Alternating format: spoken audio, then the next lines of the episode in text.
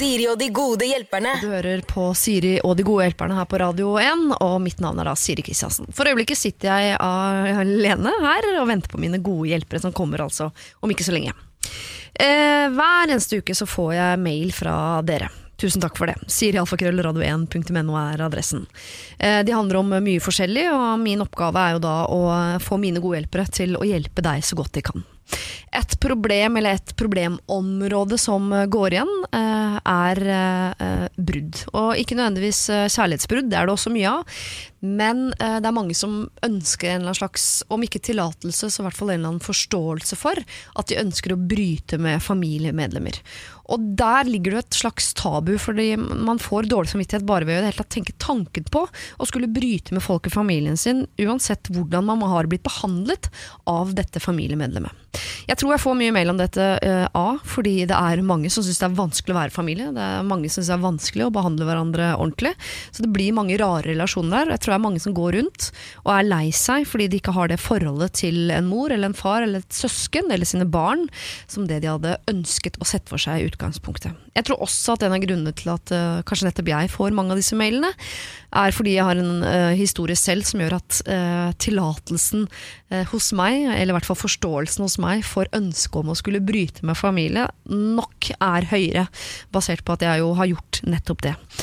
Fordi jeg aktivt, etter å ha hatt trøblete forhold til min far, som stakkars er et, en fin fyr, men som ikke helt takla det der med å være pappa, så har jeg altså valgt et, i voksen alder å ikke ta han inn i varmen igjen når han har uttrykt ønske om det. Og Grunnen til det er jo lang, jeg sagt av hele den, men det er jo erfaringen med at den forespørselen har kommet mange ganger opp gjennom i oppveksten og ikke blitt fulgt opp. Da man har uh, tatt imot med åpne armer som 11-åring, 12-åring, 13, 14, 15 osv. Og på et eller annet tidspunkt så er man så lei av å bli lei seg over at man stiller med åpne armer at det er lettere å bare lukke de armene. Og det er det mange som kanskje syns er både kynisk og kaldt, og ikke skulle liksom åpne opp for sine familiemedlemmer. Men det er klart at hvis man bare har erfaring med at foreldre er det de skal være, så er det nesten helt umulig å se for seg noe annet. Eh, jeg tror det er nettopp derfor at eh, mange av dere sender mail til nettopp meg, og håper at jeg kan være en av de som sier at vet du hva, hvis du føler at det er det som gjør ditt liv bedre, og utelukke han eller henne fra ditt liv, ja, så har du all min forståelse for det. Så eh, fortsett gjerne å sende inn mail om eh, dette, for min forståelse på området den er utømmelig. Sier alfakrøllradio1.no. Vi skal uh, straks, du og jeg, få høre fra en som har spurt om nettopp dette, om hun skulle ghoste sin far, eller om hun skulle på en måte inn, gå inn i et hardt brudd. Altså Skulle hun slå opp med sin far, eller skulle hun bare fade han sakte ut? Hun fikk råd her hos uh, meg, og nå har vi også fått en oppdatering, og det skal du få rett etter Youngblood, Five Seconds of Summer. Siri og de gode hjelperne. For en uh, tid tilbake, altså 14. oktober, det er ikke så lenge siden, uh, så fikk uh, jeg mail fra en jente som hadde et trøblete forhold til sin far. og hun var ute, usikker på om hun denne runden Hun har vært skuffet mange ganger. Han hadde vært en del av livet hennes og ikke en del av livet. Nå var hun igjen en del av livet, og nå var hun ikke lenger bare skuffet på vegne av seg selv, var skuffet på vegne av sine barn. Plutselig er det ikke bare en dårlig pappa, det er også en dårlig bestefar. Hun var usikker på om hun skulle ghoste han, eh, altså bare slutte å komme på familietilstelninger av den slags, eller om hun skulle uttrykke det, ta en siste konfrontasjon med sin far for å se om det på noen som helst måte kunne eh, hjelpe. Eh, hun var enebarn, og han, hennes far hadde fått ny kone. Og denne kona, hennes familie, der oppførte han seg mye mer sånn som en far burde oppføre seg, syns hun. Så det var mye sår etter dette.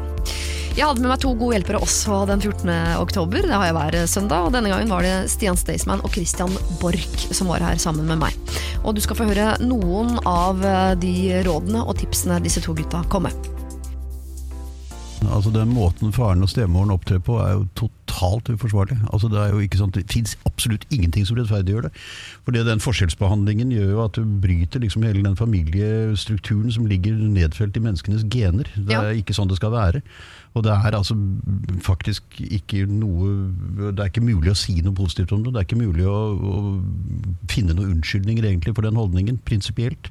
Ja, for jeg ville normalt sett, så ville jeg sagt, i og med at jeg har i stor grad gjort det selv, så jeg har fadet helt ut. Jeg har sagt nei eh, eh, du, det er ikke noe plass for deg i mitt liv. Nå har jeg laget mitt liv, det er fint uten deg. Du valgte deg ut, du får ikke lov til å velge deg inn.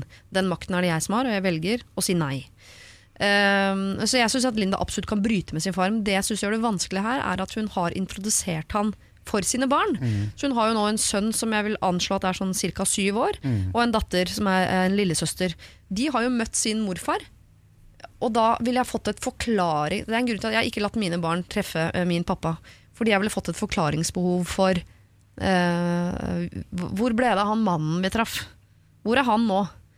Så det syns jeg, er det vanskeligste for Linda hvis hun skulle velge å fade ut, noe jeg støtter 100 Så eh, må du legge en strategi på hvordan du uh, forklarer det overfor barna. Hun kan jo kanskje også poengtere det overfor faren sin at det, jeg har ikke nødvendigvis noe sånn personlig superlyst til å ha noe med deg å gjøre, men jeg vil at eh, barna mine skal vite hvem morfaren sin er, og ha timen. Og at eh, og på en måte tilrettelegge at eh, han får tid med barna hennes. Og kanskje danner seg en litt sånn følelsesmessig, følelsesmessig relasjon til dem. da Ja. Altså, jeg vet, jeg, det, er jo, det er jo nesten en umulig oppgave da, å vite hva som er riktig i en sånn type situasjon. Men ja, det er jo Kanskje det er lettere for han å på en måte forstå at små barn har eh, lyst til å kjenne morfaren sin, enn at eh, en datter som han på en måte har kutta kontakt med i utgangspunktet, skal ha det. Det var altså noen av rådene som Stian eh, Staysman og Christian Borch ga den 14. oktober. og Hvis du vil høre hele, så kan du også laste det ned som podkast. Jeg har nå fått en ny mail eh, hvor det står Hei Siri, Stian og Christian. Takk for fine og nyttige svar. Det var godt å høre noen utenforstående som ikke er følelsesmessig knyttet til meg eller pappa, som har en mening om dette. Det ga meg en eh, dytt på veien til å ta en avgjørelse. Dere fikk jo bare noen bitte små eksempler, jeg kunne ramset opp i timevis. Men jeg har i hvert fall bestemt meg for å prøve å få han på tomannshånd, der vi kan prate uforstyrret, og jeg vil forsøke å legge fram for han på en så saklig måte som jeg bare klarer. Det kommer til å bli grining, så jeg får bare bunkre opp med Kleenex i det handlenettet du sender til meg. Fortsettelse følger. Handlenettet er på vei, kjære deg, og jeg håper at dette går bra, men går det ikke bra, så vil jeg uansett eh, høre om det. Du vet hvor du når meg. Sier alfakrøll, radio1.no. Det er også adressen du bruker hvis du har et problem du vil at vi skal eh, løse i dag, hvor jeg hvert øyeblikk blir flankert, hvis det går an å si det, av eh, Einar Tørnquist på den ene siden og Sylvi Listhaug på den andre. Men før vi går dit, så skal vi innom BOB sammen med Hayley Williams. Dette er Airplanes. Siri og de gode hjelperne. Og nå har mine to gode hjelpere for dagen altså funnet hver sin stol. Og i dag er det Einar Tørnquist og Sylvi Listhaug. Hallo, hallo. Eh, Jeg tenkte jeg skulle spørre dere, Einar og Sylvi. Jeg regner ikke med at dere har så mye felles prosjekter, men uh, hva driver dere med for tiden, hver for dere? Hvis dere driver med det sammen, så for all del. Vi har jo skrevet en bok sammen akkurat. ja, bok har jo du skrevet, eh, Sylvi. Ja da, den er akkurat kommet ut. Ja. Er du fornøyd? Ja, absolutt. Jeg har jo holdt på nå i et halvt år. Helt fornøyd blir man, man jo aldri. Det er alltid noen jeg skulle tenkt ja, det skulle jeg gjort litt annerledes. Men eh, så går deadline ut, og, vet du, og da, da blir det som det blir. Og jeg, jeg er fornøyd. Du er fornøyd. Hvordan har du hatt tid til dette? Jeg har brukt en del av ferien og ja, søndager. Og ja, Ja. Når, jeg, når jeg måtte det, da, så har jeg jobba med den. Jeg liker veldig godt å jobbe, så det, det, ja, det er ikke et problem. Det har vi skjønt, at du liker å jobbe. For det er jo altså unger og jobbing i et hakkende kjør. Så uh, at du har et ekstra gir, det er det vel ingen som tviler på.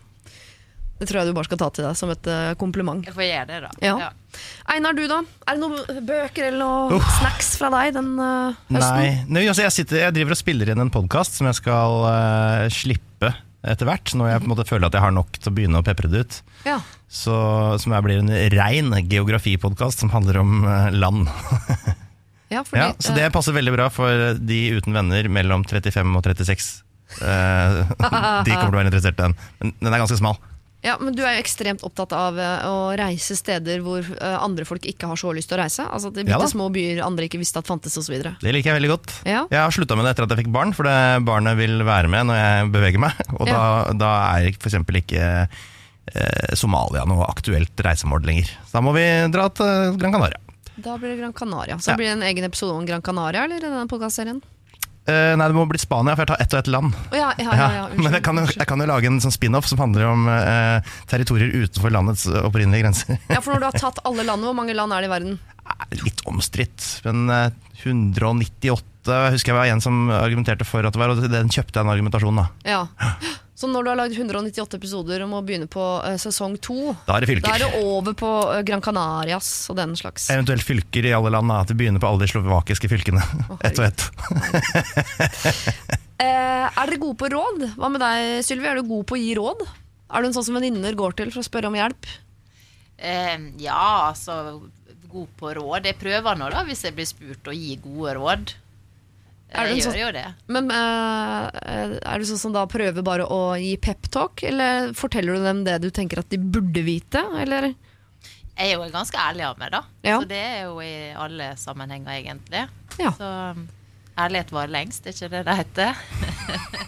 Jo, jeg skrev en kronikk om det en gang på videregående. På videregående? Ja, på videregående, ja, om Oi. hvorvidt ærlighet varer lengst. Da hadde jeg akkurat sett venninnen min klippe det lange, lyse håret sitt kort og Nei. farge det rødt. Nei. Og da var jeg usikker.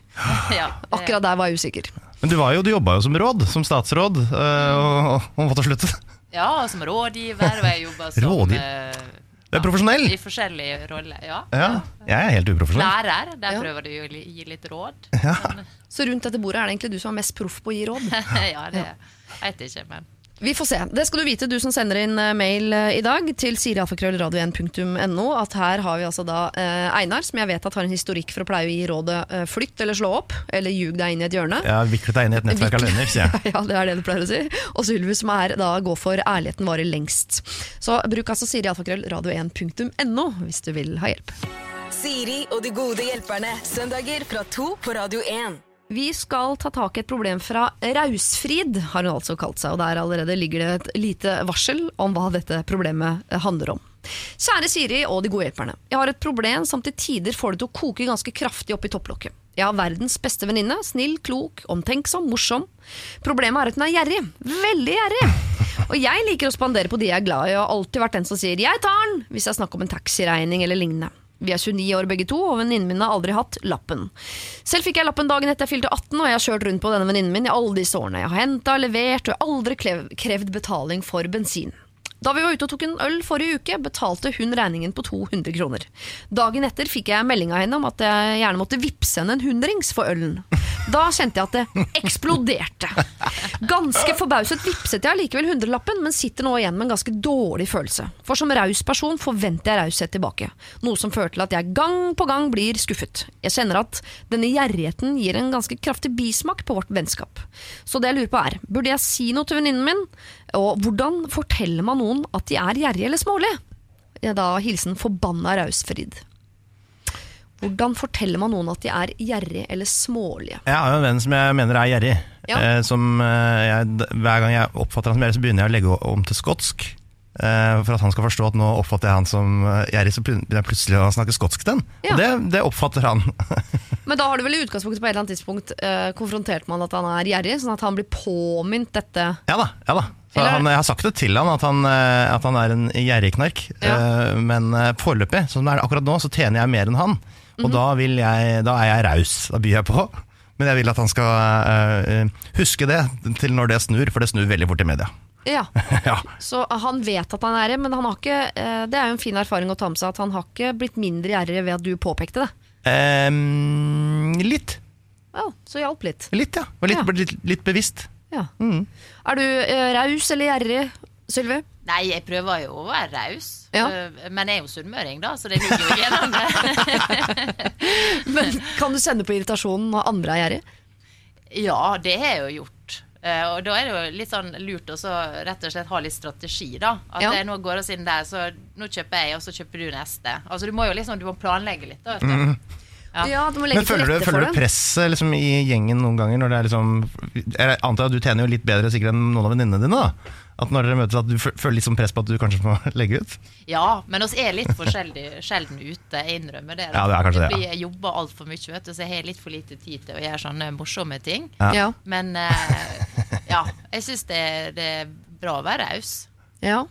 Eh, Men du er jo også eh, Ok, du er glad i det å være raus, men du er også glad i det å være ærlig. Kunne du sagt til en som er gjerrig? For nå la du jo fram til en god strategi som var litt sånn hinting. Jeg tar denne, du tar neste. Da legger man jo veldig liksom Men hvis man er Altså her er det en som har eksplodert. Sitter nå og kjenner på at nå er jeg irritert på venninnen min. Jeg revurderer vennskapet. Nå leser jeg litt mellom linjene her, det skal jeg innrømme.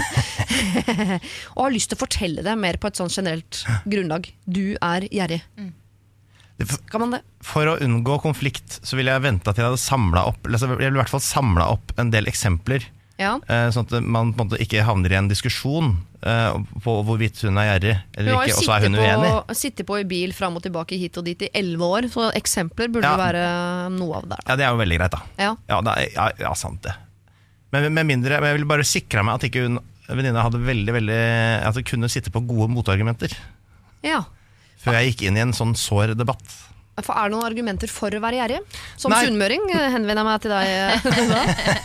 noen da. Argument, ja, altså Hvis du har veldig veldig dårlig råd, så er det klart at da vil det jo kanskje være greit at andre betaler. ja. Eh, men, eh, og noen er, er jo gjerrig. Så, men jeg tenker at dette med strategier er det beste. da Ja, det det, altså. liksom altså. Legge opp på forhånd og bare liksom, nå sette oss ned noen stolper, Mm. og så går det seg til. ja. Så neste gang de er ute og drikker øl, eh, så kan man si det. Jeg tar denne runden, du tar neste. Men hva neste gang Rausfrid drar med bilen sin for å hente denne jerven innen? Skal, altså skal, det jeg egentlig lurer på her er, skal Rausfrid slutte å være raus fordi om venninnen er gjerrig?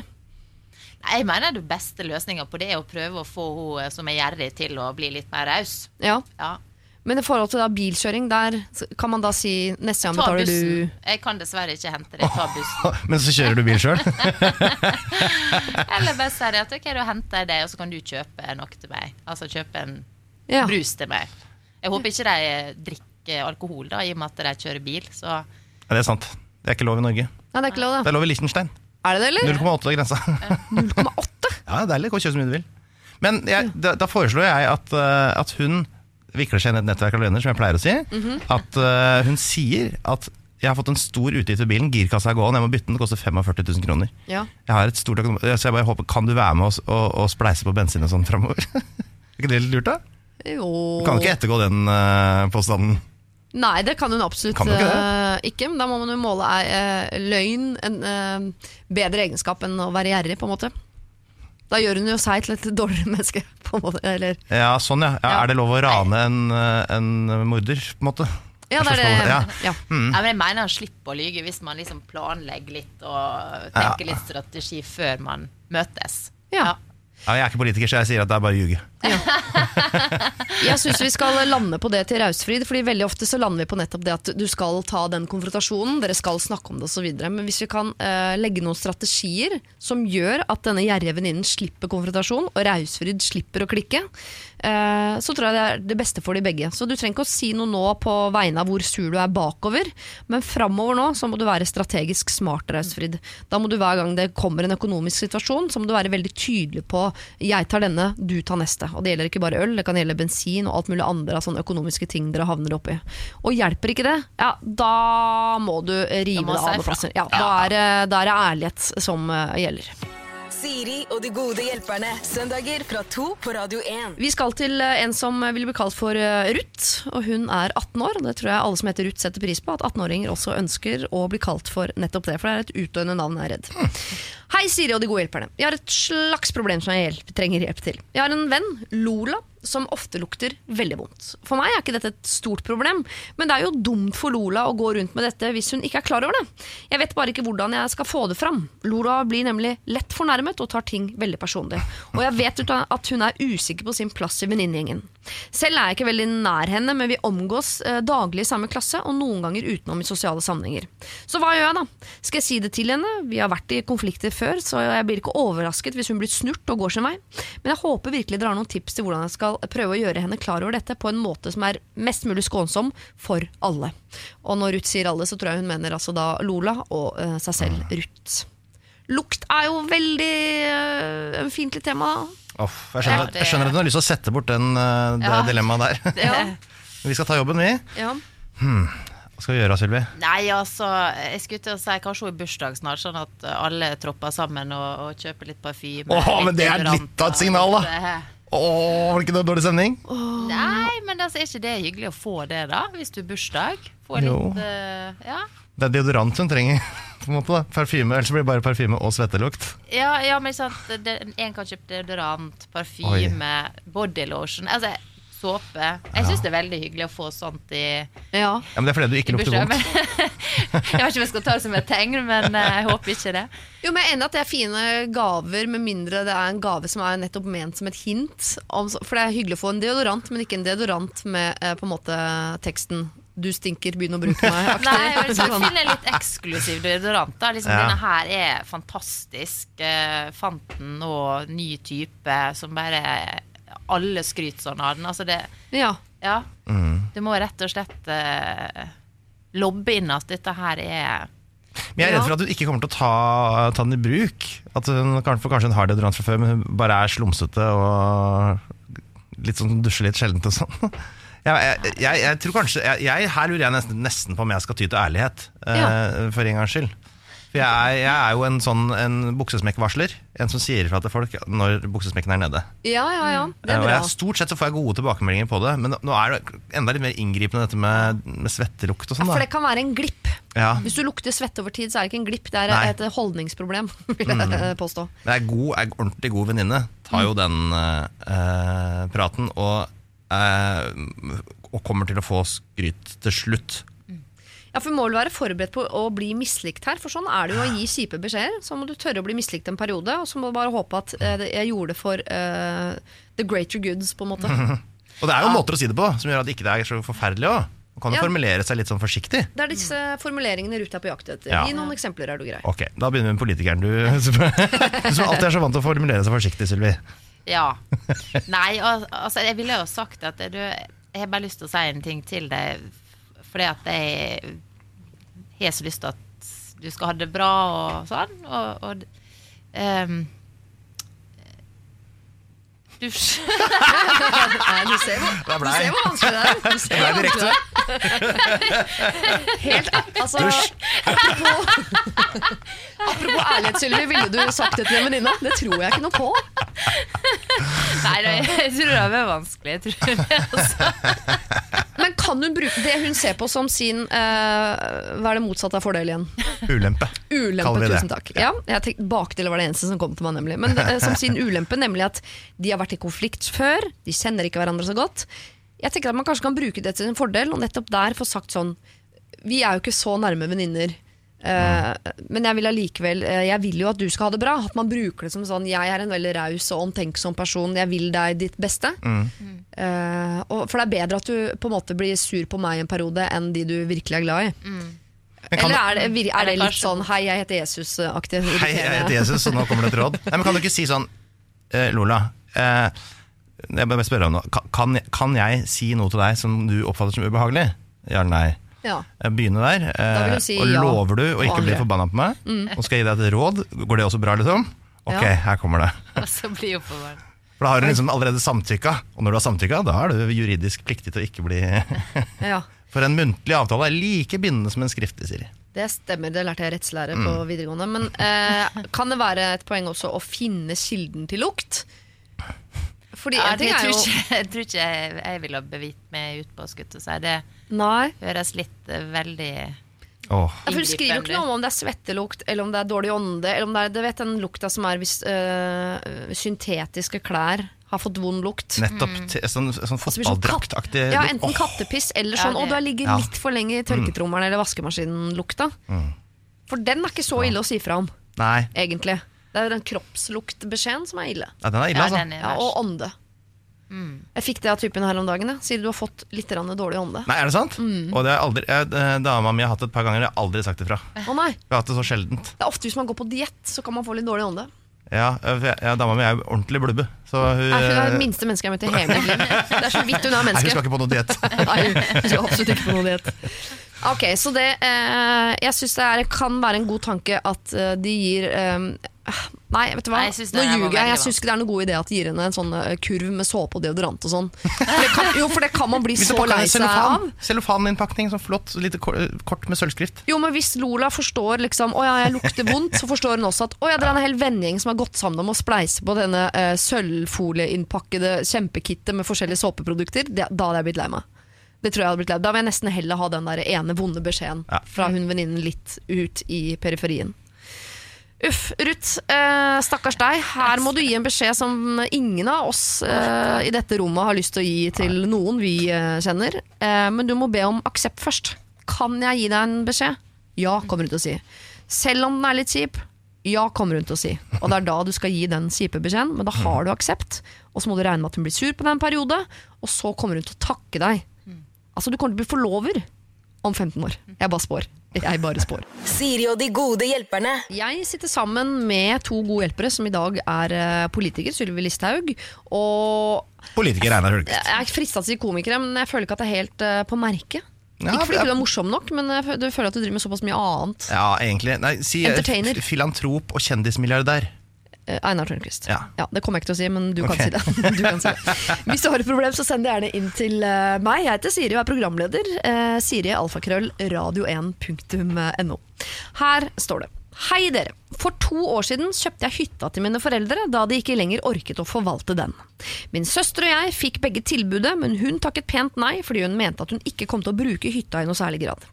Hytta har vært ganske kummerlig i mange år, men jeg har kost meg der, så jeg kjøpte den med glede. Siden den gang har jeg oppgradert den betydelig. Jeg har renovert, jeg har bygd på og jeg har lagt inn vann. Så spurte, søstera mi en helg her om hun kunne få låne hytta, så hun og mannen og barnet kunne reise en tur. Jeg sa selvfølgelig ja til det. I ettertid har hun falt altså så pladask for denne nye versjonen av hytta at hun til stadighet spør om å få låne den. Det er vanskelig å si nei til sin egen søster, men jeg blir jo irritert.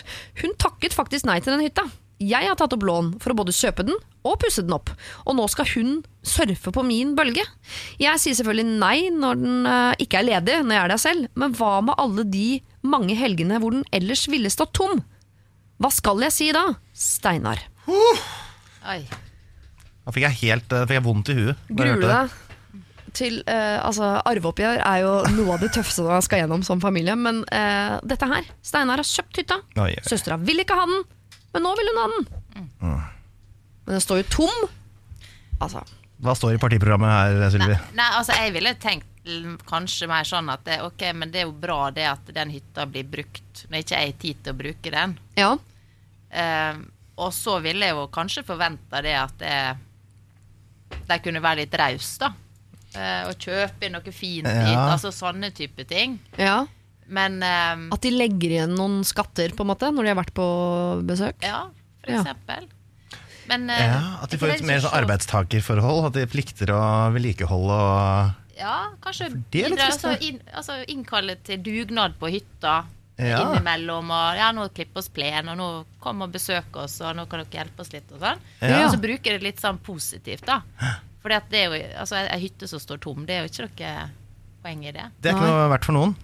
Men jeg, tror, altså, jeg er veldig glad for at du sier det, Sylvi, for jeg var eh, rett på irritasjonen til Steinar. Jeg tenkte sånn, å herregud men, altså, jeg, var der, jeg var der. Men her har man jo muligheten til å Denne hytta kan, du enten, kan brukes i to ting. Enten til splid i familien, eller til å forene familien. Og eh, da må jo en av partene på en måte være rausere enn den andre. Så det er jo fint hvis Steinar klarer å bruke den hytta til dette er noe vi skal bruke. Men jeg skjønner den urettferd... I hvert fall hvis søsteren begynner å få sånn eierskapsfølelse til hytta igjen. Og Som jo strengt sine tatt er. Steinar sin. Hvis hun be- be- begynner å invitere sine venner igjen. Ja, eller sier sånn 'jeg vil gjerne til påsken i år, du var der i fjor'. Ja, Nei, det det går jo ikke. Ja, det går ikke. Nei. Det men jeg ville jo sagt ok, jeg kan oss låne hytta di neste helg. Ja, men eh, da, da får dere klippe plen. Ja, Altså, da, ikke da får sant? dere da, Altså, jeg har en snekre et eller annet. Altså, gi litt sånn eh, Ja. Enig. Konkrete For da får du jo faktisk noe igjen for det, og så blir hytta brukt. Og det er jo ofte bra at ikke hytta står så mye tom. Ja. Og her i det momentet så er det en annen variant også. eh, Som er du kan, hvis ikke du ønsker å dele da med hyt, hytta med søstera di, men har lyst til at den skal eh, være brukt, legg den ut på Airbnb. Og hver gang søstera di spør om å låne den, sier du nei, dessverre den er utleid til en tsjekkisk familie denne helga som skal være her og betale penger for det. Det går an. ja, det er faktisk ikke så dumt. Et nettverk Eller ja, du kan bare ljuge om det òg, da. Så slipper du faktisk å gjøre det. Ja, Du kan eh, legge den uh, ut på Airbnb, men booke alle helgene sjøl. Så kan du si til når søstera di spør, sier sånn uh, Gå inn på Airbnb og sjekk om den er ledig. Hvis den er ledig, skal du selvfølgelig få låne den gratis. Jeg tar jo ikke betalt av søsteren min. Og så står den markert som utleid til den eh, tsjekkiske Stinar. Men jeg er nok egentlig mener jeg det samme som Sylvi her. Du skal klippe den plen, uansett om det er en meter snø på den. Ja, Eller vaske. Ja, ja, reis og lån. Men vask den da, sånn at det blir ikke sant? Nettopp. man Alt- bruker det positivt. Ja. Mindre jobb sjøl, og så Ikke når du sant. uansett ikke kan være der. Men hvorfor gjør denne søsteren dette? Tror vi at hun bare er sleip? Eller tror vi at hun For jeg, tenker, jeg har liksom prøvd å liksom rettferdiggjøre det at denne søsteren har valgt å gjøre det på denne måten. Tror, hun er jo vant til å kunne reise dit gratis. Fordi det er jo sånn, Hvis det er mamma og pappa sin hytte, da bare drar man dit. Bare bruker den og drar igjen, og så må de fylle på med dopapir og, s- og stearinlys og alt det der. Uh, jo, sånn er det å være barn. Selv om man er 40, liksom. Hvis man er barna sine foreldre, så, så oppfører man seg på den måten ofte. At hun er så vant Hun forbinder den oppførsel med den hytta. At hun trenger en sånn liten At Steinar rett og slett vekker henne litt på sånn Nå er det jeg som er i hytta. Det har kommet inn noen regler her. Mm. Du må fylle på med stearinlys, klippe hekk. Og, så, og være litt tydelig på det. Hva om hun ikke gjør det da? Hvor, hva slags, hvor kraftig skal man sanksjonere brudd på reglene i den den nye hyttegrunnloven? Det Nei, må, det må jeg jo være litt sånn tydelig på. Ja, Ja. Strenge straffer. ja.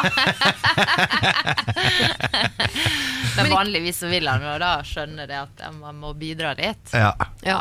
Men igjen her, altså gi tydelige oppgaver til søsteren. Ja. Men jeg syns også å legge ut på Airbnb det synes jeg gjøre uansett. Å leie Ja. ut noen helger, og når verken du skal dit, verken eh, noen eh, fra et eh, annet sted som leieren, Mm. så kan søsteren din låne den.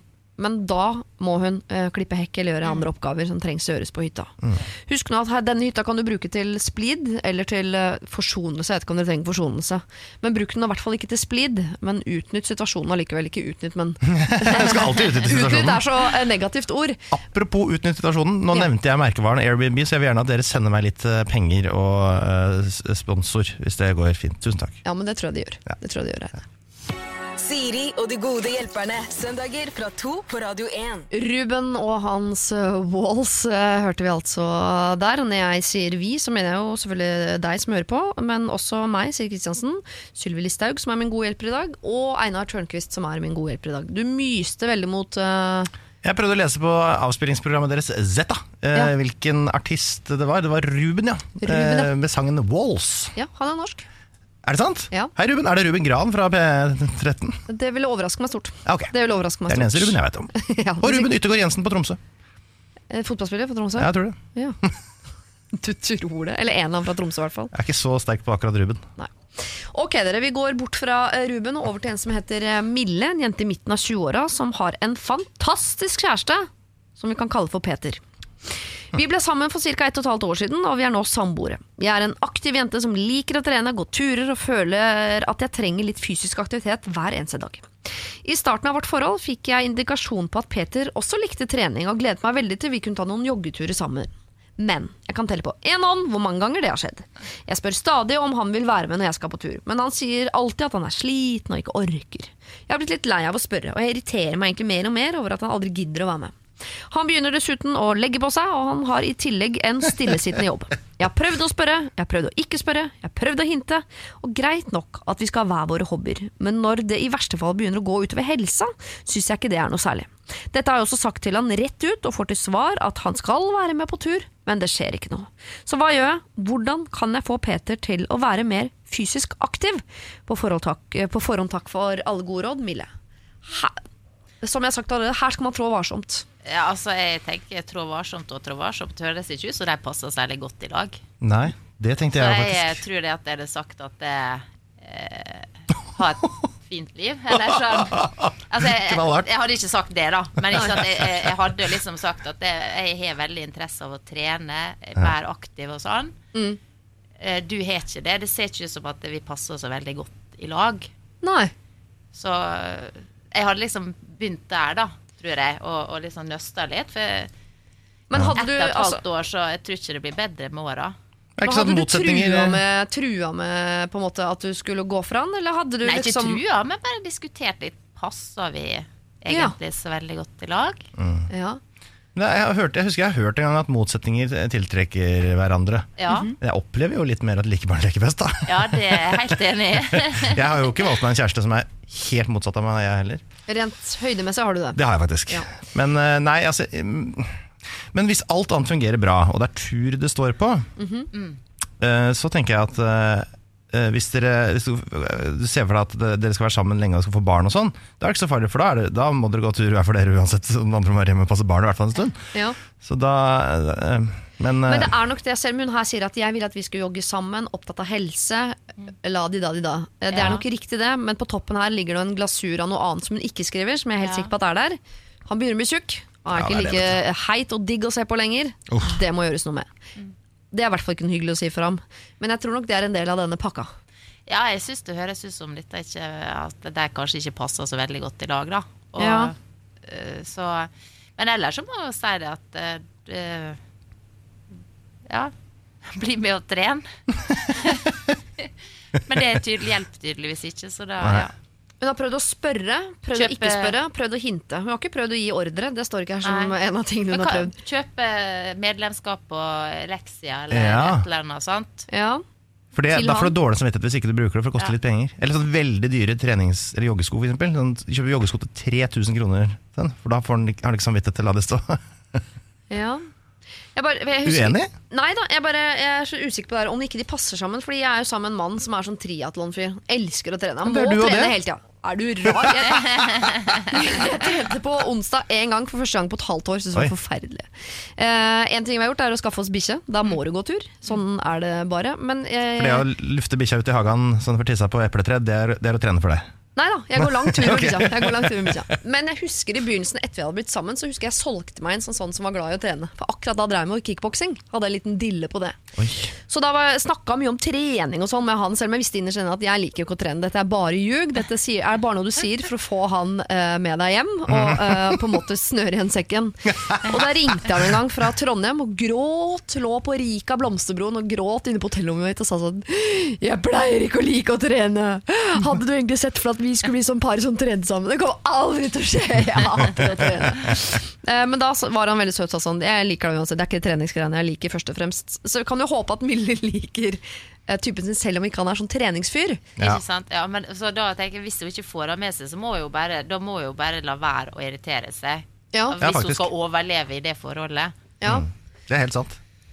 Så altså sette seg ned eh, med Peter og kanskje være enda litt tydeligere på at eh, jeg vil at du skal til litt mer i retning av ordre, sette spørsmålstegn om det hele tatt passer sammen, mer enn bare å spørre.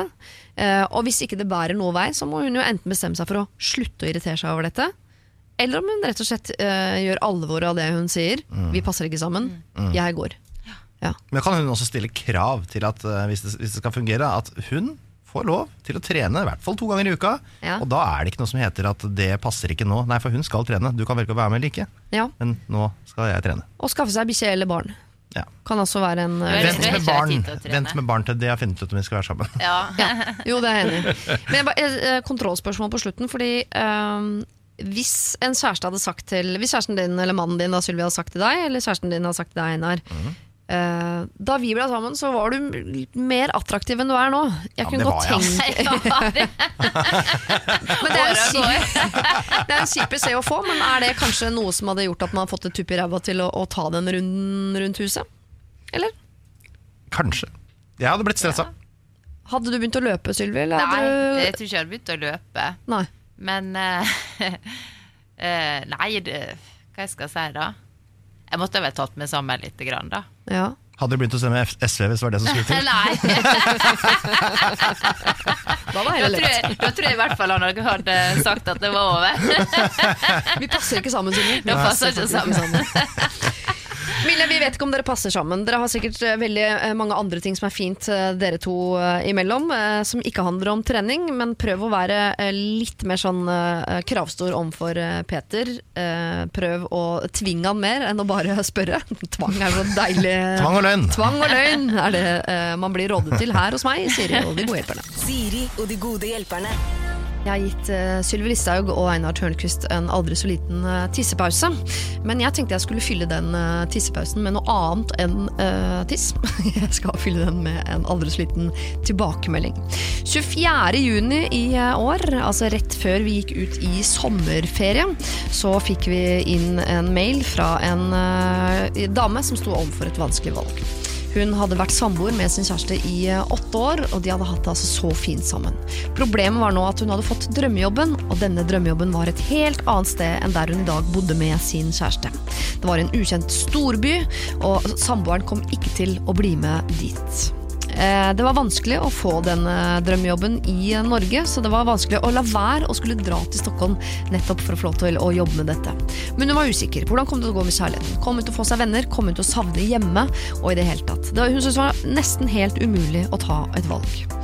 Jeg lempet noe av dette ansvaret over på Else Kåss Furuseth og Lars Berrum, som var altså mine gode hjelpere den 24. juni, og her skal du få høre noe av det de mente kunne være lurt.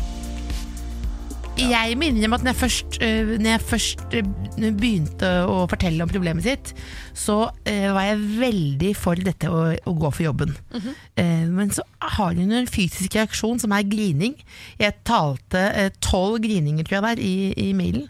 Altså, så en, en fysisk, altså Det virker nesten som det er nesten, at det må bæres til den i byen, nesten. Mm. Eh, så det kan jo faktisk være sånn at, vi er, at det blir fysisk umulig for henne. Dette er noe hun som person sikkert gjennom hele livet har hatt, hun vil ta den utdannelsen, får et drømmejobb. Så dette er jo egentlig ganske viktig langt inni der. Og så har hun et veldig bra forhold som har vært mye i avstand og har vært sammen et år. Så den skjønner jeg. Jeg, jeg forstår jo hvorfor hun griner hele tida òg. Ja, ja. Men det er jo en grunn til at hun på en måte griner, men avgjørelsen er egentlig inni henne tatt. Og så mellom, mellom det så ligger det en usikkerhet. da. En slags sorgreaksjon, nesten. Ja, og da syns jo jeg jeg tror, jeg tror noen ganger man skal tvinge seg til å gå over den uh, grininga og fortvilelsen, som egentlig er ganske fint, da, for det viser jo bare at hun er glad i kjæresten. Og glad i det livet hun har her. Men det, som kjæresten sier, så bør det ikke være permanent. Men den erfaringen hun kan få da, hvis hun er der ett år, to år, eller hva som helst, og så plutselig kan han bli kjæresten med. Altså, det er mye som kan skje her. Men det er noe, jeg føler på at det er noe inni henne dypt som vil gjøre det der. da. Jeg har opplevd det samme. Eller det er ikke det samme. Jeg har ikke hatt kjæreste på det tidspunktet, og det var ikke utlandet. Og ikke utdannelse. Nei, ikke utdannelse. så det er, jeg har opplevd noe, det samme i gåstein, da, noe lignende. Ja. Eh, Du har grått? Jeg har grått. Og du har pakka. Jeg pakka. Og vært i Jeg storbyer. pakka, og jeg så også det er vanskelig å pakke. Jeg syns det er et helvete å pakke. Nei, men jeg fikk Ikke vær lei jobb, deg, Ella. ass. jeg fikk Eh, jobb i, kan i relatere. P3. Ja. Eh, og de ringte og sa nå er, du- vil du jobbe i P3. Og ja, det, ja, jeg sa ja. Og så sa de ja, det er kjempebra, du begynner om to uker. Det er i Trondheim. Etterpå. Det var jo Ja. ikke så stort, men det var jo da likevel Jeg måtte ta fly, da. Ja. Så det er jo likhet, da. Du må flytte fra venner og familie. Og... Ja, og du må jo på en måte gå inn i det, og så er det jo det som er at eh, hvis du er inne i et sånn studieløp, så får du jo mye sånn sosialt eh, på en seng, mens når du er på ny jobb, så må du jo ta ut mer ansvar for det sosiale selv. Eh, så det, det, det kan jo godt være altså den frykten for å være på et ensomt sted i en ensom by, liksom. Det, det skjønner jeg. Ja. Så det høres jo ut som hun kanskje må lage seg noen sånne, ganske sånne gulrøtter. Selv om hun sier at han mannen er hjemmekjær, liksom, så kan det være at han for eksempel må være litt mindre hjemmekjær. At det må være noe bestilt noen turer. Hun, før hun flytter, så må det være bestemt når de skal ses. Dette var altså Else Kåss Furuseth og Lars Berrum fra 24. juni som prøvde å hjelpe Ella å ta et valg i sitt liv om hvorvidt hun skulle flytte til en uh, ukjent storby for å uh, jobbe med det hun drømte om, eller bli hjemme for kjærligheten. Ella skriver Hei, jeg må si tusen takk for hjelpen. Jeg har hørt problemet mitt bli snakket om flere ganger, og det dere traff meg rett i hjertet. Ja, jeg gråt. Jeg prøvde, jeg. Flytta, starta en ny fantastisk jobb med herlige kollegaer, men det var noe som ikke stemte. Idet jeg gikk ut døra fra jobb, kom alle tankene, og følelsen var eh, sterk om at dette ikke var rett for meg nå. Jeg var lei av å oppdage ting alene, reise alene, det var nok. Så i dette øyeblikket driver jeg og pakker ned tingene mine igjen for avreise i retning Norge. Ha en nydelig uke. Vennligst hilsen Ella. Og nå vil jeg at det dere hører her. Jeg vil ikke at dere skal høre at dette er eh, nederlag, tap, eh, gitt opp. Jeg vil at det dere skal høre her er en slags mulighet. For når du står overfor et valg og ikke klarer å bestemme deg, så er det ofte fordi du tror at hvis du velger feil, så er det tap eller nederlag eller umulig å gå tilbake. Det er feil! Sånn er det ikke. Du må bare ta et valg, og hvis det viser seg at det valget viser seg å være feil, ja, så er det bare nettopp å pakke ned tingene igjen og gjøre seg klar for avreise i retning bakover igjen. Det er bare eh, en erfaring, vil jeg kalle det. Det er ikke et nederlag, det er bare en erfaring. Jeg håper det gjør det lettere for deg å ta et valg. Gjør det ikke det, så har du den muligheten du alltid har, nemlig å be meg om å ta det valget sammen med mine gode hjelpere. Da sender du en mail til sirialfakrøll radio1.no. Siri og de gode hjelperne. Nå skal vi altså hjelpe en som er sjuk. Skal ikke hjelpe henne med selve sjukdommen, men altså en oppdagelse hun har gjort i forbindelse med den sykdommen. Forrige uke lå jeg rett ut med influensa. Jeg har aldri vært så sjuk. Jeg klarte lite annet enn å sove de første fire dagene. Bare det å gå på do krevde all energien jeg hadde. Kjæresten min var ok forståelsesfull den første dagen, men så hadde han helt tydelig fått nok. Han gikk over i drittlei, irritabel og sur. Jeg har aldri sett han sånn før. Vi endte opp med en kjempekrangel, og jeg gråt meg i søvn. Jeg anklaget han for å ikke bry seg, ikke spørre om hvordan det går, ikke tilby seg å hjelpe. Han derimot anklaget meg for å sutre. Noe jeg mener at jeg anstrengte meg for å ikke gjøre unødig mye. Så nå er jeg helt ute av meg. Jeg revurderer faktisk hele fyren. Ikke over denne krangelen, altså herregud, vi har krangla før, vi. Men kan vi bli gamle sammen? Om man ikke takler forkjølelse, hva da med graviditet? Eller verre, hva når vi blir gamle og syke? Vi må vel belage oss på at en av oss antagelig må tørke den andre bak på et eller annet tidspunkt. Skal jeg dumpe han nå like greit? spør Marianne. Sylvi Listhaug og Aina Tørnquist er mine gode hjelpere i dag. Hun er altså bekymret for fremtiden med en mann som tydeligvis ikke har empati nok til å holde ut en influensa engang. Men kan jeg få, Hun sier influensa og forkjølelse om hverandre, som er to helt forskjellige sykdommer. Den ene er veldig alvorlig, den andre ikke alvorlig. Influensa er du, altså, da er du så sjuk som du blir i livet ditt. Da, du, da du, ligger du for døden i 14 dager. Men Liksom. jeg tror det er veldig mange som sier influensa hvis de er skikkelig forkjøla. Så sier de har fått Ja. influensa, så har de aldri fått sjekka det. Hun Hvis hun har influensa, og han tror det er en forkjølelse, Ja. så skjønner jeg at han syns at hun sutrer, for så ille blir det ikke når du er forkjøla. Men øh, hvis han det er, det er veldig mange som ikke, som ikke har, vet at influensa er så innmari kjipt. Som tror at det bare er forkjølelse. Jeg tror aldri jeg Influensa har hatt influensa. det er helt vilt fælt! Ja. Det er 40, 41 i feber, ligger bare en hav av svette og venter en uke. Ti dager. Okay. Det er grusomt. Ja, men la oss si at Marianne har hatt influensa. da La oss Ja. si at hun har hatt influensa, eller i hvert fall en kraftig forkjølelse. Hun har vært sengeliggende, har ikke klart annet enn å sove de første fire dagene. Det er influensa, ikke sant. Det er antakeligvis influensa. Typen hennes, som forblir navnløs, eh, null empati å hente utover det første døgnet. da Men kanskje han skal google influensa? Hvis, hun tror at det er det samme som, hvis han tror at det er det samme som å være forkjøla, Ja, så vil jo han tenke at nei, nå overdriver du. Ærlig talt. Kom deg opp. Dette her går bra. Jeg har vært forkjøla før. Dette går helt fint. Jo, men hvis, uansett, hvis det hadde vært en forkjølelse, Einar, og hun ligger der og eh, ønsker i Ja. hvert fall at han spør 'hvordan går det, vennen min', Ja, det kan han jo gjøre, da. det, ute, det gjør han ikke. Nei. Har Altså, noen hvis- grunn til å være bekymret for fremtiden. Ja, det vil jeg si hvis dette er influensa. For at, da er du jo så sjuk at du ligger og sover stort sett hele tida og knapt greier å stå på beina. Og hvis Mm. du er en, da en, en type som ikke bryr seg, Mm. så tenker jeg at eh, Da tror jeg jeg hadde revurdert eh, dette her, ja. Ja. For man blir ikke mindre sjuk med åra, enn med alderen. Det blir ikke det. Du vil jo ha en som kan hjelpe deg når du, når du blir gammel og, og har store fysiske behov. ja. Det vil du ha. Og det er jo sånn, eh, men det er jo sånn eh, jenter og gutter eh, for så vidt. Altså. Det er jo noen som er flinkere på det der omsorgsgreiene enn andre. Mm. Men jeg bare tenker, kan det være noe man kan trene opp? Jeg hadde i hvert fall villet tatt med en prat Ja. og sagt at det, jeg syns ikke det er greit at du, at du ikke stiller opp for meg når jeg er så sjuk. Og ikke tror på meg når, når jeg sier at jeg er så sjuk. Ja. Det må være veldig frustrerende da, å ligge der og være helt daudsjuk, og så tror ikke han på det. Nei. Nei, jeg synes det, jeg synes, her syns jeg det skrangler eh, fælt. Jeg, ville vært, jeg, jeg er med på å vurdere hele forholdet. jeg. har dette hørtes ut som litt sånn sjukdomstegn på forholdet. Ja. For hun kan anta at hvis han har problemer med å takle hennes forkjølelse, så vil han eh, takle dårlig den dagen hun eh, er gravid. Eh, Hvis ikke det oh, ja. altså, ja. Eller den dagen hun eh, faktisk er mer alvorlig syk enn enda mer alvorlig syk enn influensa, som jo også kommer et eller annet sted. Absolutt. I gode dager holder ikke. Nei, I onde dager er jo minst like viktig. Mye viktigere. Men kan man eh, Nå gjør jeg meg selv vanskelig, altså, men kan man vite akkurat det? Jeg husker jeg dumpa en kjæreste en gang fordi han sa han ikke ville ha barn. Så fikk han seg ny dame. De har barn. Så det er jo noe med at man tror sånn Dette kommer til å bli et problem. Jeg hopper av toget her eh, før toget krasjer. Og så viser det seg at det toget krasja aldri. Det er derfor jeg bare lurer på om Marianne skal hun, eh, skal hun hoppe av nå, eller skal, er det noen måte å finne ut av dette på?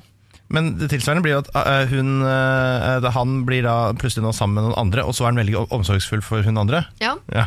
Men da, da, da Men da er det jo nok ikke stemmer. Ja, da Altså, da stemmer er jo ikke dette her Han ville ikke ha barn med deg, Siri. Det kan, det Han vil ha barn med hvem som helst andre enn deg. Som var en bom. Har du møtt mine barn? Altså. Jo, men kan det også hende at uh, For jeg er kanskje heller ikke så god på sånn Å, er det forkjøla? Å, herregud, jeg kom bort med suppe. Der er ikke jeg så god. Nei. Men altså, hvis du er mer alvorlig syk enn influensa, da tror jeg at jeg ville ha stilt opp. Ja. Tipper det. Jeg kan- Absolutt. Ja, jeg, jeg syns det, det er, synes jeg man skal kreve. Ja. Marianne, du må ta en skikkelig prat med typen din og finne ut av om det er det at han ikke har forstått at du har hatt influensa, eller hvor syk du har vært, eller om dette bare er en egenskap han mangler. Den empatiske siden, den, den er ikke der. For Hvis han ikke har muligheten til å sette seg inn i at andre har det vanskelig, eh, så blir det vanskelig for deg å være sammen med han gjennom eh, ting som er verre enn influensa. Altså graviditet og mer alvorlig sykdom eh, down the line. Så eh, det må du finne ut av, eh, og det gjør du i dialog med han. Finne ut av hva slags type han egentlig er.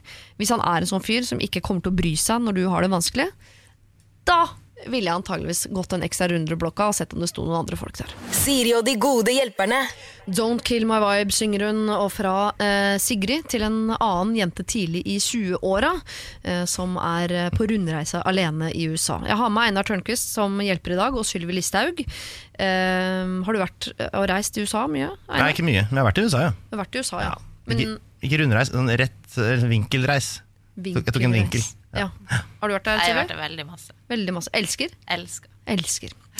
Hei, jeg er en jente i tidlig 20-åra som for øyeblikket er på rundreise alene i USA. Her er det mye godt å spise og gøyale ting å gjøre. Dette går hardt utover budsjettet, og jeg bruker mye mer penger enn jeg hadde Ja, dyrt der, Ja, altså. det, det kjenner jeg til. Jeg har en del penger jeg, tilgjengelig på bankkonto, men mye av det planlegger jeg jo egentlig å bruke på hus en vakker dag. Å nei. Så nå trenger jeg råd til hva jeg skal gjøre. Skal jeg bare kose meg med mat og hotell, med god beliggenhet og gøyale dagsturer? Eller skal jeg spise nudler, bo på dårlige hosteller og gjøre ting som er gratis? Hilsen Reiserandi. Er altså en uh, det, Her Altså- bruke fornuft. Ja, hvis du spør en sunnmøring om råd, så er det klart at eh, du må tenke langsiktig. Du Ja. må tenke på at du skal ha et liv seinere. Ja. Bruke pengene dine fornuftig. Så jeg hadde tatt, eh, tatt den varianten med at du spiser litt nudler og du kjører lavt budsjett. Ja, Sånn at du kan eh, investere i framtida når du kommer tilbake. Absolutt. ja, så nudler, dårlige hosteller og gjøre ting som er gratis. Ja, men du kan si mat der borte trenger ikke å koste så veldig mye, så du må liksom planlegge litt grann og, og, og sånn. Så Ja. Og så kan du benytte deg av doggybager, som du faktisk får i USA. da For du får jo så store porsjoner på restaurant. At du får jo til mange personer for mange måltider, så kan du ta med deg mat videre. Og der er det vel ganske god stemning for doggybag også? Det det er der det er oppfunnet. for Her er det flaut. Ja, ikke sant? Ja. Men nei, du er en litt mer sånn livsnyter-type, Ja. Einar. Så uh, du ville vel ikke reist ut og spist nudler og bodd på dårlig hostell? Og... Nei, Jeg var jo ganske sur hele USA-oppholdet mitt fordi jeg syntes det var så dyrt. Ja. Uh, og uh, jeg er jo glad i at det ikke er dyrt. Mhm. så jeg vil jo Jeg reiser bare andre steder, for da kan du gjøre det samme bare mye billigere.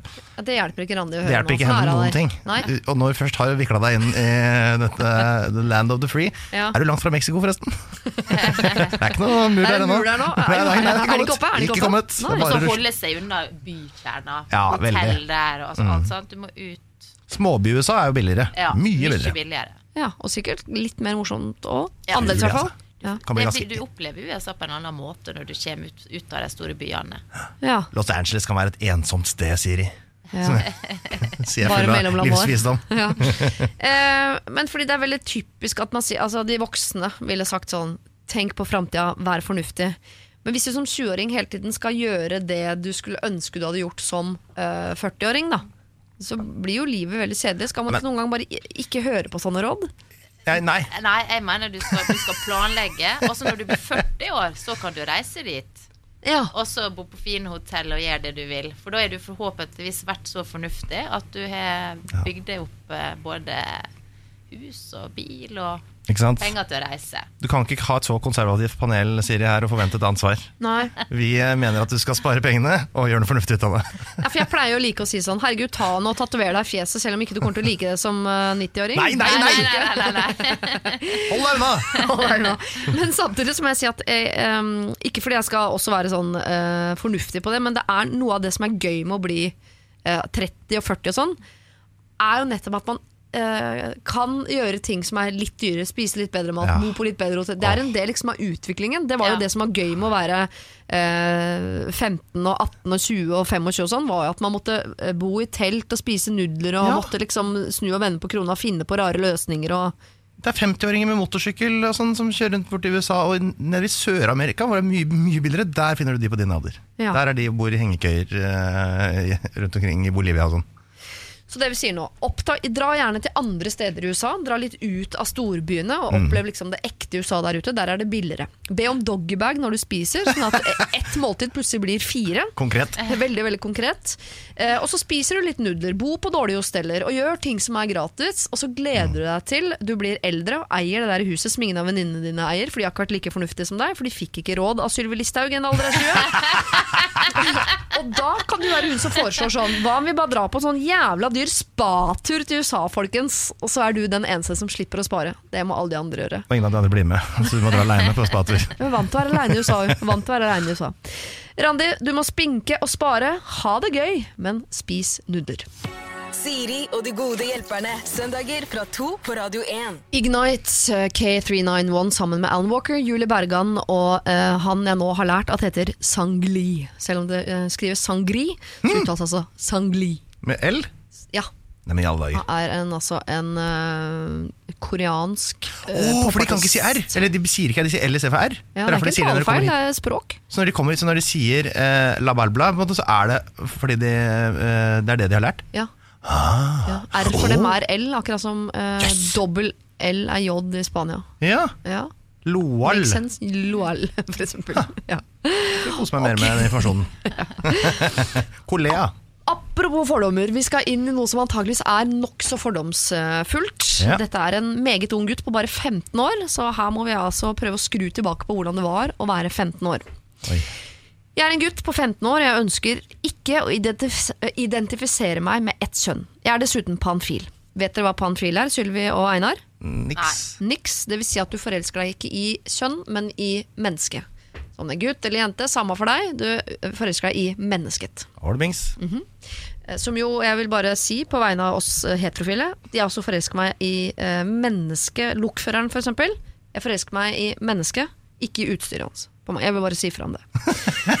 Jeg vil drikke meg full hver eneste helg og feste, og jeg er veldig sikker på meg selv, jeg vet hva jeg vil.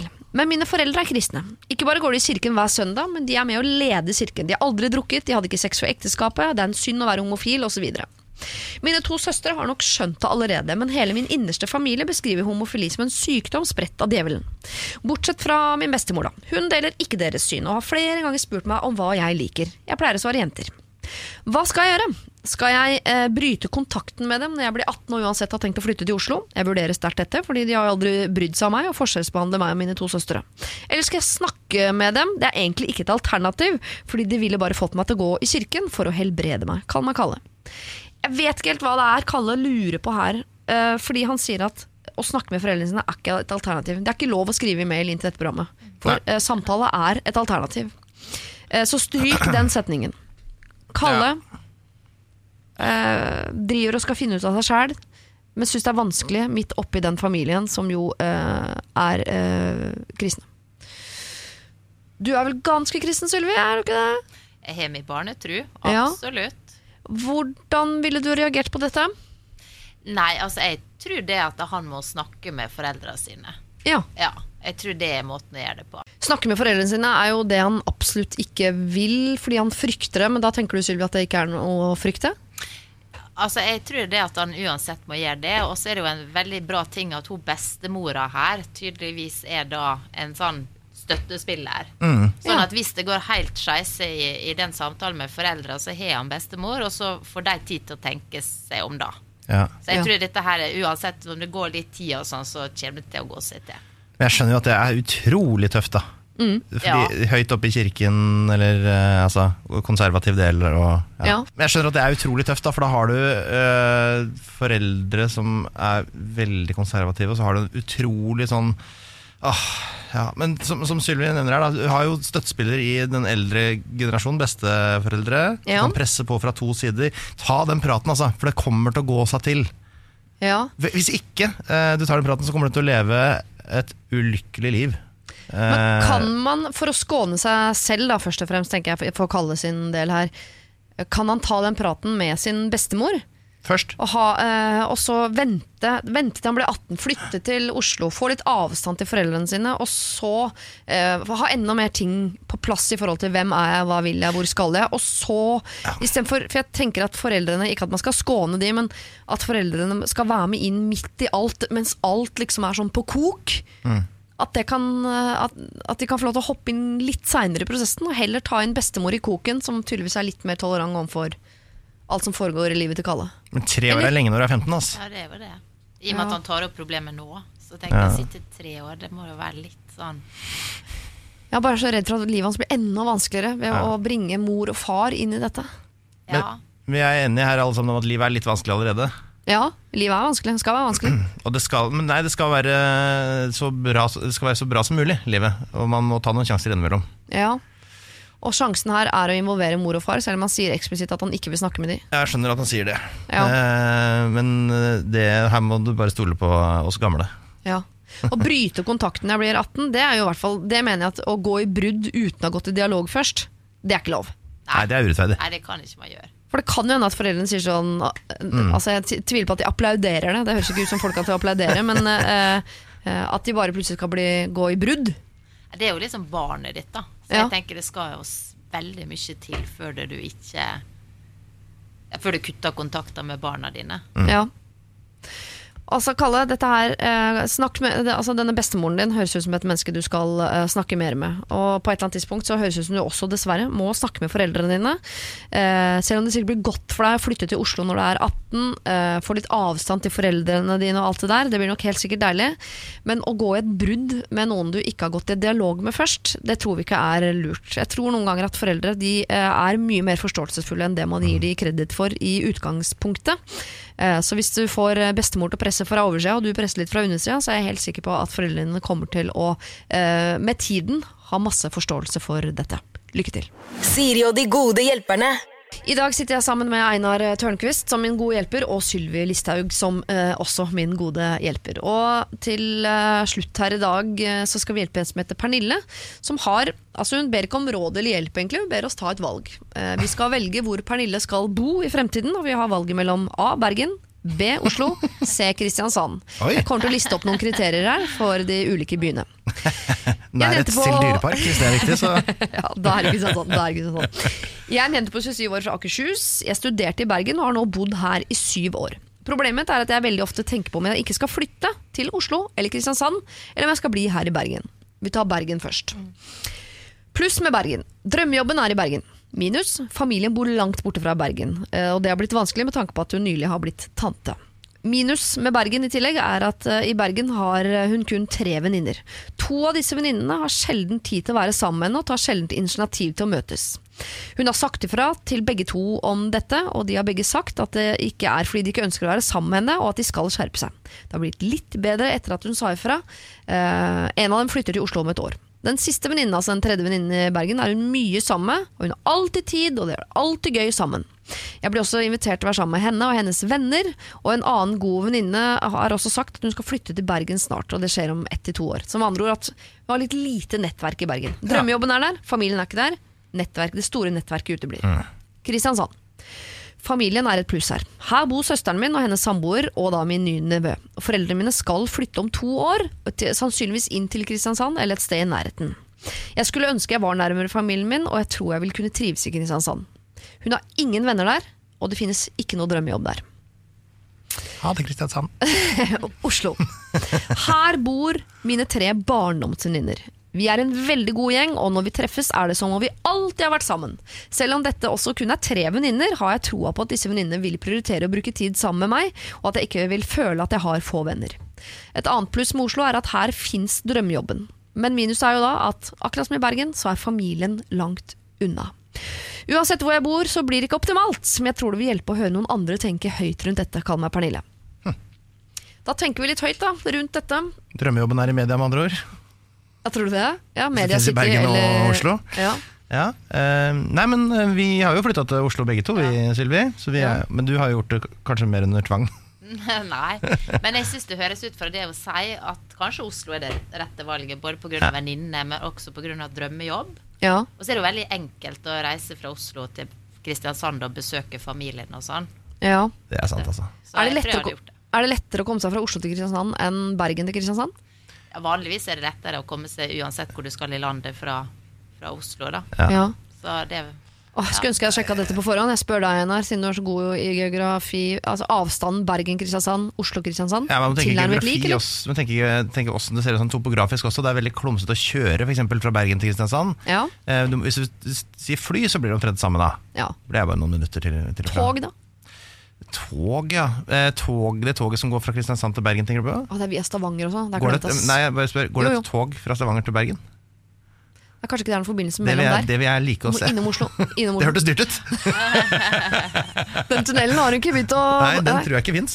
Jeg har flytta til Oslo. Jeg hadde Ja. det, altså. Vi har flytta til Oslo. Selv om at Vestlandet er jo fantastisk, da. Så hørtes det ut som ja. Og så er det jo altså, det, er, det er litt kjedeligere med Oslo fordi det er flatere og mer normalt sånn, men det er bare mulighetene er så mange, og været er mye bedre. Men på sikt, hva er viktigst? Uh, altså, vi vet jo ikke det på vegne av Pernille, men kan tenke på vegne av oss selv. Uh, nærhet til familie eller nærhet til venner? Jeg tenker at I Kristiansand der er familien hennes. Venner kan man skaffe seg.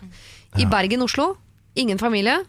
Uh, har venner, men familie kan man ikke skaffe seg i samme grad. Men Eller det kan man jo, man kan jo lage en liten litt deilig med familie på litt avstand nå, altså. Det er litt, litt deilig å ikke ha familien altfor nærme, for det er helt ærlig. Ja. Ok. Så da stryker vi Kristiansand. Vi stryker familie, og vi stryker Kristiansand, og sitter igjen da med Oslo og Bergen. Jeg vet at dere har sagt Oslo allerede, men jeg Ja. det er en ting dere eh, Men hun bor jo allerede i Bergen og er ikke helt fornøyd. Nei, men da skal jeg lese en ting om igjen for Ja. dere her, som går på nettopp dette med venner. For det er venner som skiller Bergen og Oslo. For drømmejobben og alt det andre er likt. Hun har tre venninner i Bergen, er litt misfornøyd med oppmøtet der. Oslo. Her bor mine tre barndomsvenninner. Jeg har troa på at disse venninnene vil prioritere å bruke tid med meg, og at jeg ikke vil føle at jeg har få venner her.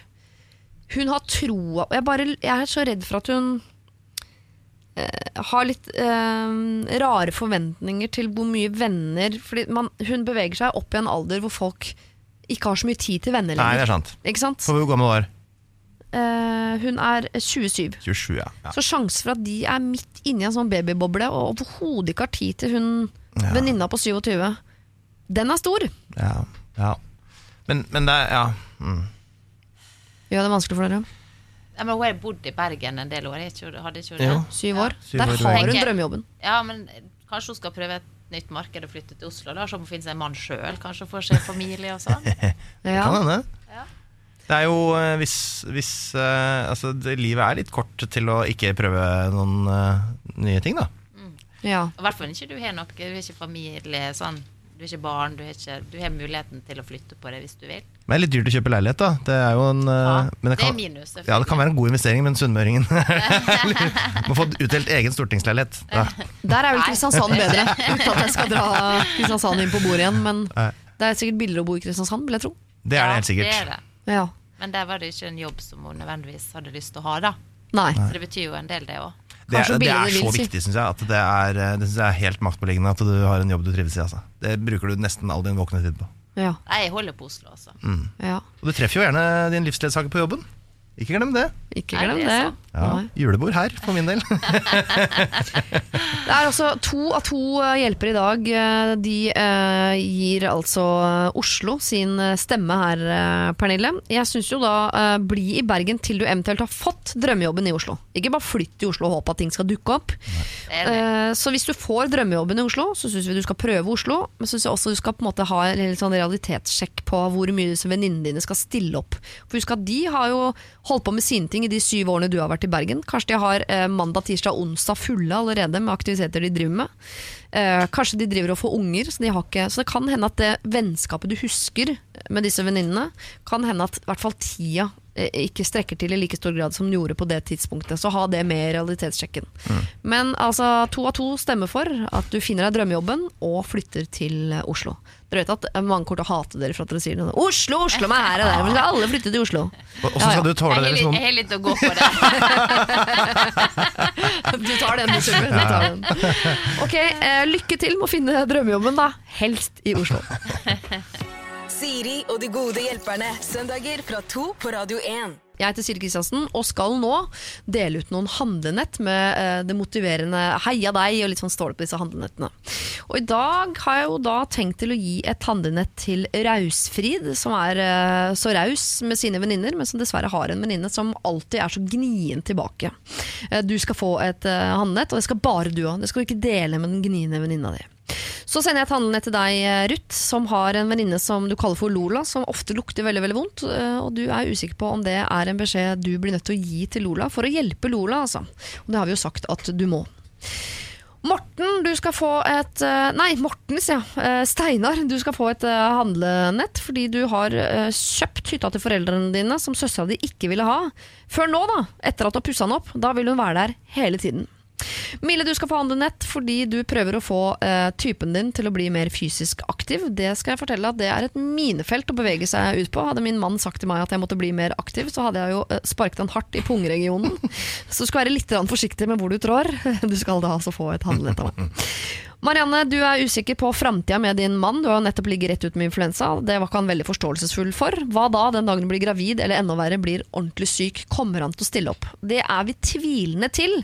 Det er du nødt til å finne ut av, eller gå videre. Du skal få et handlenett. Reiserandi, som er i USA. eh, Vi sender et handlet hjem til din bostedsadresse her i Norge. Og så har du det å glede deg til når du kommer eh, hjem. For du skal nemlig reise rundt alene, spise nudler, bo på dårlig hostell og gjøre ting som er gratis. Kalle, du skal, eh, altså du skal mye. Du er bare 15 år. Eh, Du eh, har veldig mye du skal finne ut av, både med deg selv og med din familie. Hvor du skal bo, hva du skal gjøre osv. Det kommer til å bli vanskelig. Du kommer til å komme godt ut av det på andre siden. Og jeg sender et handlenett. Jeg vet ikke hvor mye det hjelper. altså. Vet strengt talt ikke hvor mye det hjelper. Pernille som lurer på om hun skal bo i Bergen, Stavanger eller Oslo. Vi har vel mer eller mindre flyttet deg til Oslo, og når du kommer fram, så ligger det et handlenett der og venter på deg. Så dere, skal uh, du Sylvi først få lov til å dele ut et handlenett til hvem du vil, fylt med hva du vil. Ja, og da vil jeg jo fylle det rett og slett med en Ford Mustang Oi, det er stort handlenett. Ja. til uh, mannen min. Altså, skal du ha sånn sølv metallic Ford Mustang med rødt skinninteriør? Rød. Med sånn hvit stripe Ja. på panseret. Og bare ja, seks, sånn 60 60-tallsmodell. Er det drømmebilen til mannen din, eller er det fordi du drømmer om en mann som kjører sånn bil? jeg lurer på om det er min drøm. Men jeg liker han nå, altså. Så bra. Og du skal alltid sitte på, eller hender det at du tar uh, førersetet? Jeg liker veldig godt å kjøre bil. Ja. Veldig godt. Oh, det er, det er jo en av de store fordelene med å gå av som statsråd, for da kjører jeg masse, masse bil sjøl. Ja. Jeg merker jo nå at jeg har litt lyst til å være din ektemann. For hvis jeg kunne fått en Ford Mustang, da hadde komplettert livet mitt. Altså. Det hadde vært eh, fantastisk. Det er den bilen jeg har mest lyst på etter Batmobilen. Eh, Einar Tørnquist, hvem vil du gi handlenett til, og hva er det fylt med? Nei, altså, jeg ville veldig gjerne sendt et handlenett med mat og medisiner til den tredje verden. Nei da, bare for å stille deg i et dårlig lys. Nei da. Eh, nei, jeg ville, jeg ville gitt eh, en KrFs eh, landsstyre ville jeg gitt en stor mynt. Med blå side på den ene sida og rød på den andre, så de kan bli ferdig med det. For nå er jeg lei av hele dritten. Altså, du mener at de skal slå kron og mynt Ja, om hvilken det. vei de skal det gå? Blir, det er helt tilfeldig hva det der ender opp med uansett. Det er bare noen eldre damer i Oppland som bestemmer plutselig nå. Ja.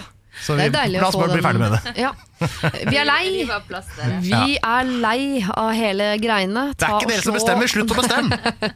Slå kron og mynt om det hele. Det er jo litt ekkelt å vite at framtiden skal være basert på kron eller Ja, det er det allerede. Ja. Ja, det er det allerede. Ja, det er det. Det er helt tilfeldig. Hareide, du får en, eh, et handlenett med en kjempemynt oppi med en rød og en blå side av Einar Tørnquist. Og så håper vi at det er det som bestemmer vår, eh, vårt lands framtid, i hvert fall for de neste årene. Eh, Jeg sier tusen takk til deg, Einar, for at du vil være min gode hjelper i dag. Og til deg, Sylvi, for at du vil være min gode hjelper i dag. Eh, Og så ønsker jeg dere en fortreffelig søndag videre. Ha det! Ha det!